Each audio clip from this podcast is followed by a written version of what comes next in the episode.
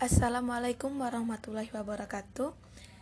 Perkenalkan nama saya Sally Pertiwi dari Prodi D4 Gizi tingkat 2B. Di sini saya akan membuat podcast mata kuliah SKDM dengan materi yang pertama formulir screening gizi lanjut dan formulir konseling gizi. Baiklah, yang pertama yaitu screening gizi atau formulir screening gizi. Screening gizi adalah proses yang sederhana dan cepat untuk mengidentifikasi individu yang mengalami kekurangan gizi atau yang berisiko terhadap permasalahan gizi. Tujuan dilakukannya screening gizi adalah untuk menentukan seseorang berisiko malnutrisi atau tidak. Pentingnya screening risiko malnutrisi yang pertama, idealnya screening dilakukan oleh perawat di, ruang, di ruangan pada pasien baru 1 kali 24 jam. Yang kedua, prinsip screening gizi sederhana, efisien, cepat dan dapat dipercaya, murah, risiko terhadap pasien yang di screening rendah.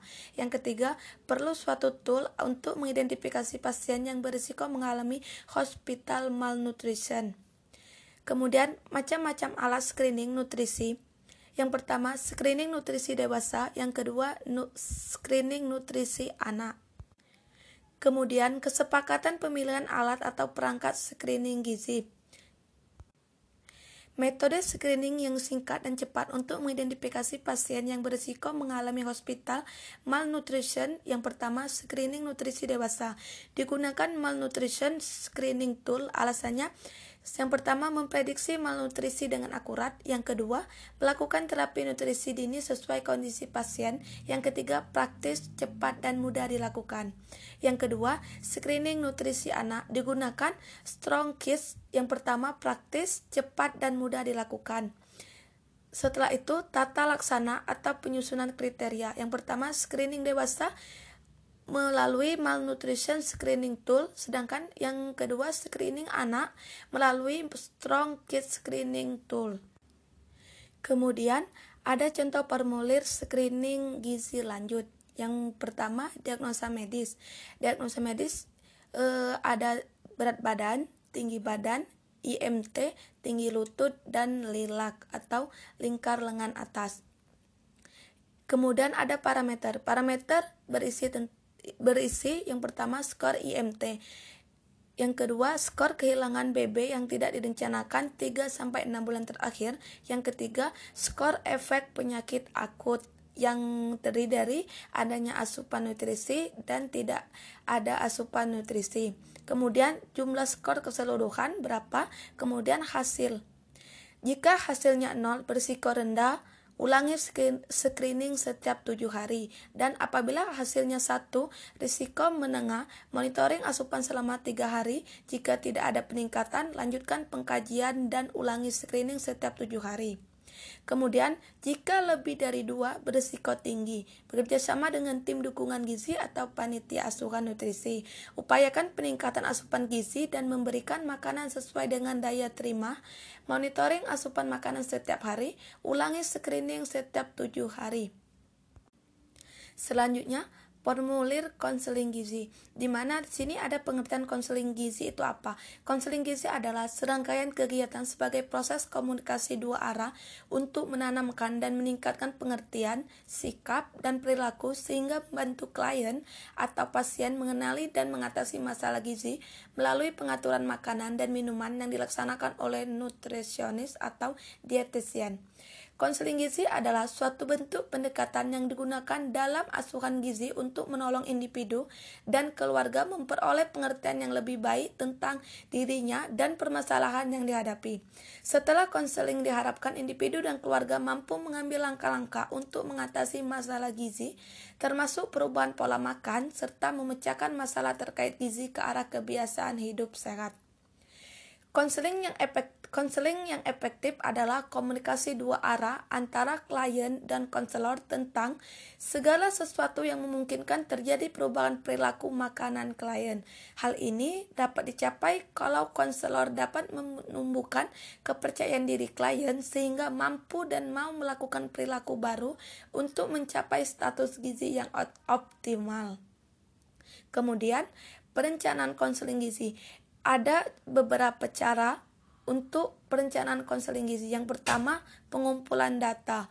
Di sini termasuk data sosial budaya, data riwayat, data riwayat medik, pengetahuan tentang gizi,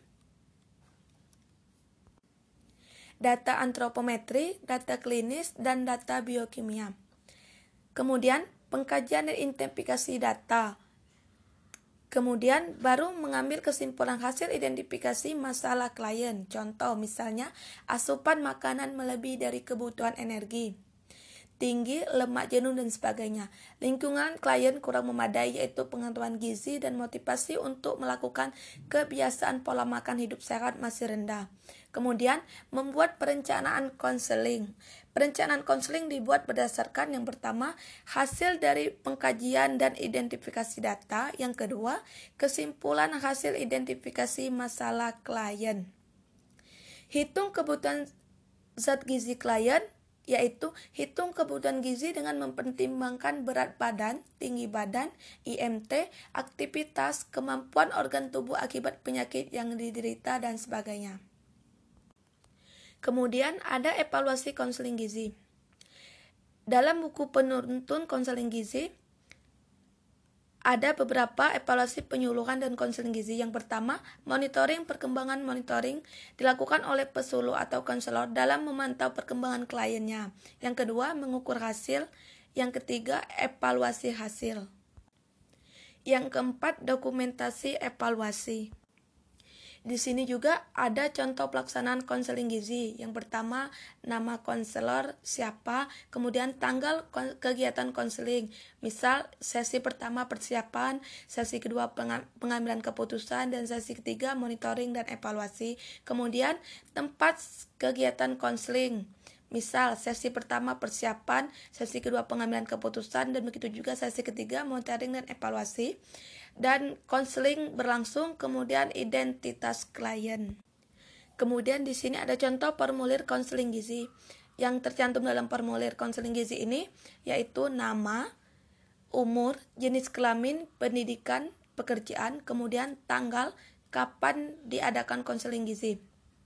Kemudian data apa saja yang termasuk dalam formulir konseling gizi? Yang pertama antropometri yang terdiri dari berat badan, tinggi badan, IMT, dan status gizi. Kemudian data biokimia, data fisik klinis, data riwayat gizi, dan riwayat personal. Kemudian ada juga diagnosa gizi, misal diagnosa gizinya apa, terus inter, intervensi gizi. Di dalam intervensi, intervensi gizi ini ada tiga hal yang termasuk dalamnya. Yang pertama tujuan, kedua intervensi, dan ketiga konseling atau edukasi. Kemudian yang terakhir rencana monitoring dan evaluasi gizi. Baiklah, itulah saja. Uh, podcast dari saya. Mohon maaf apabila ada kesalahan atau kekurangan. Saya akhiri. Wassalamualaikum warahmatullahi wabarakatuh.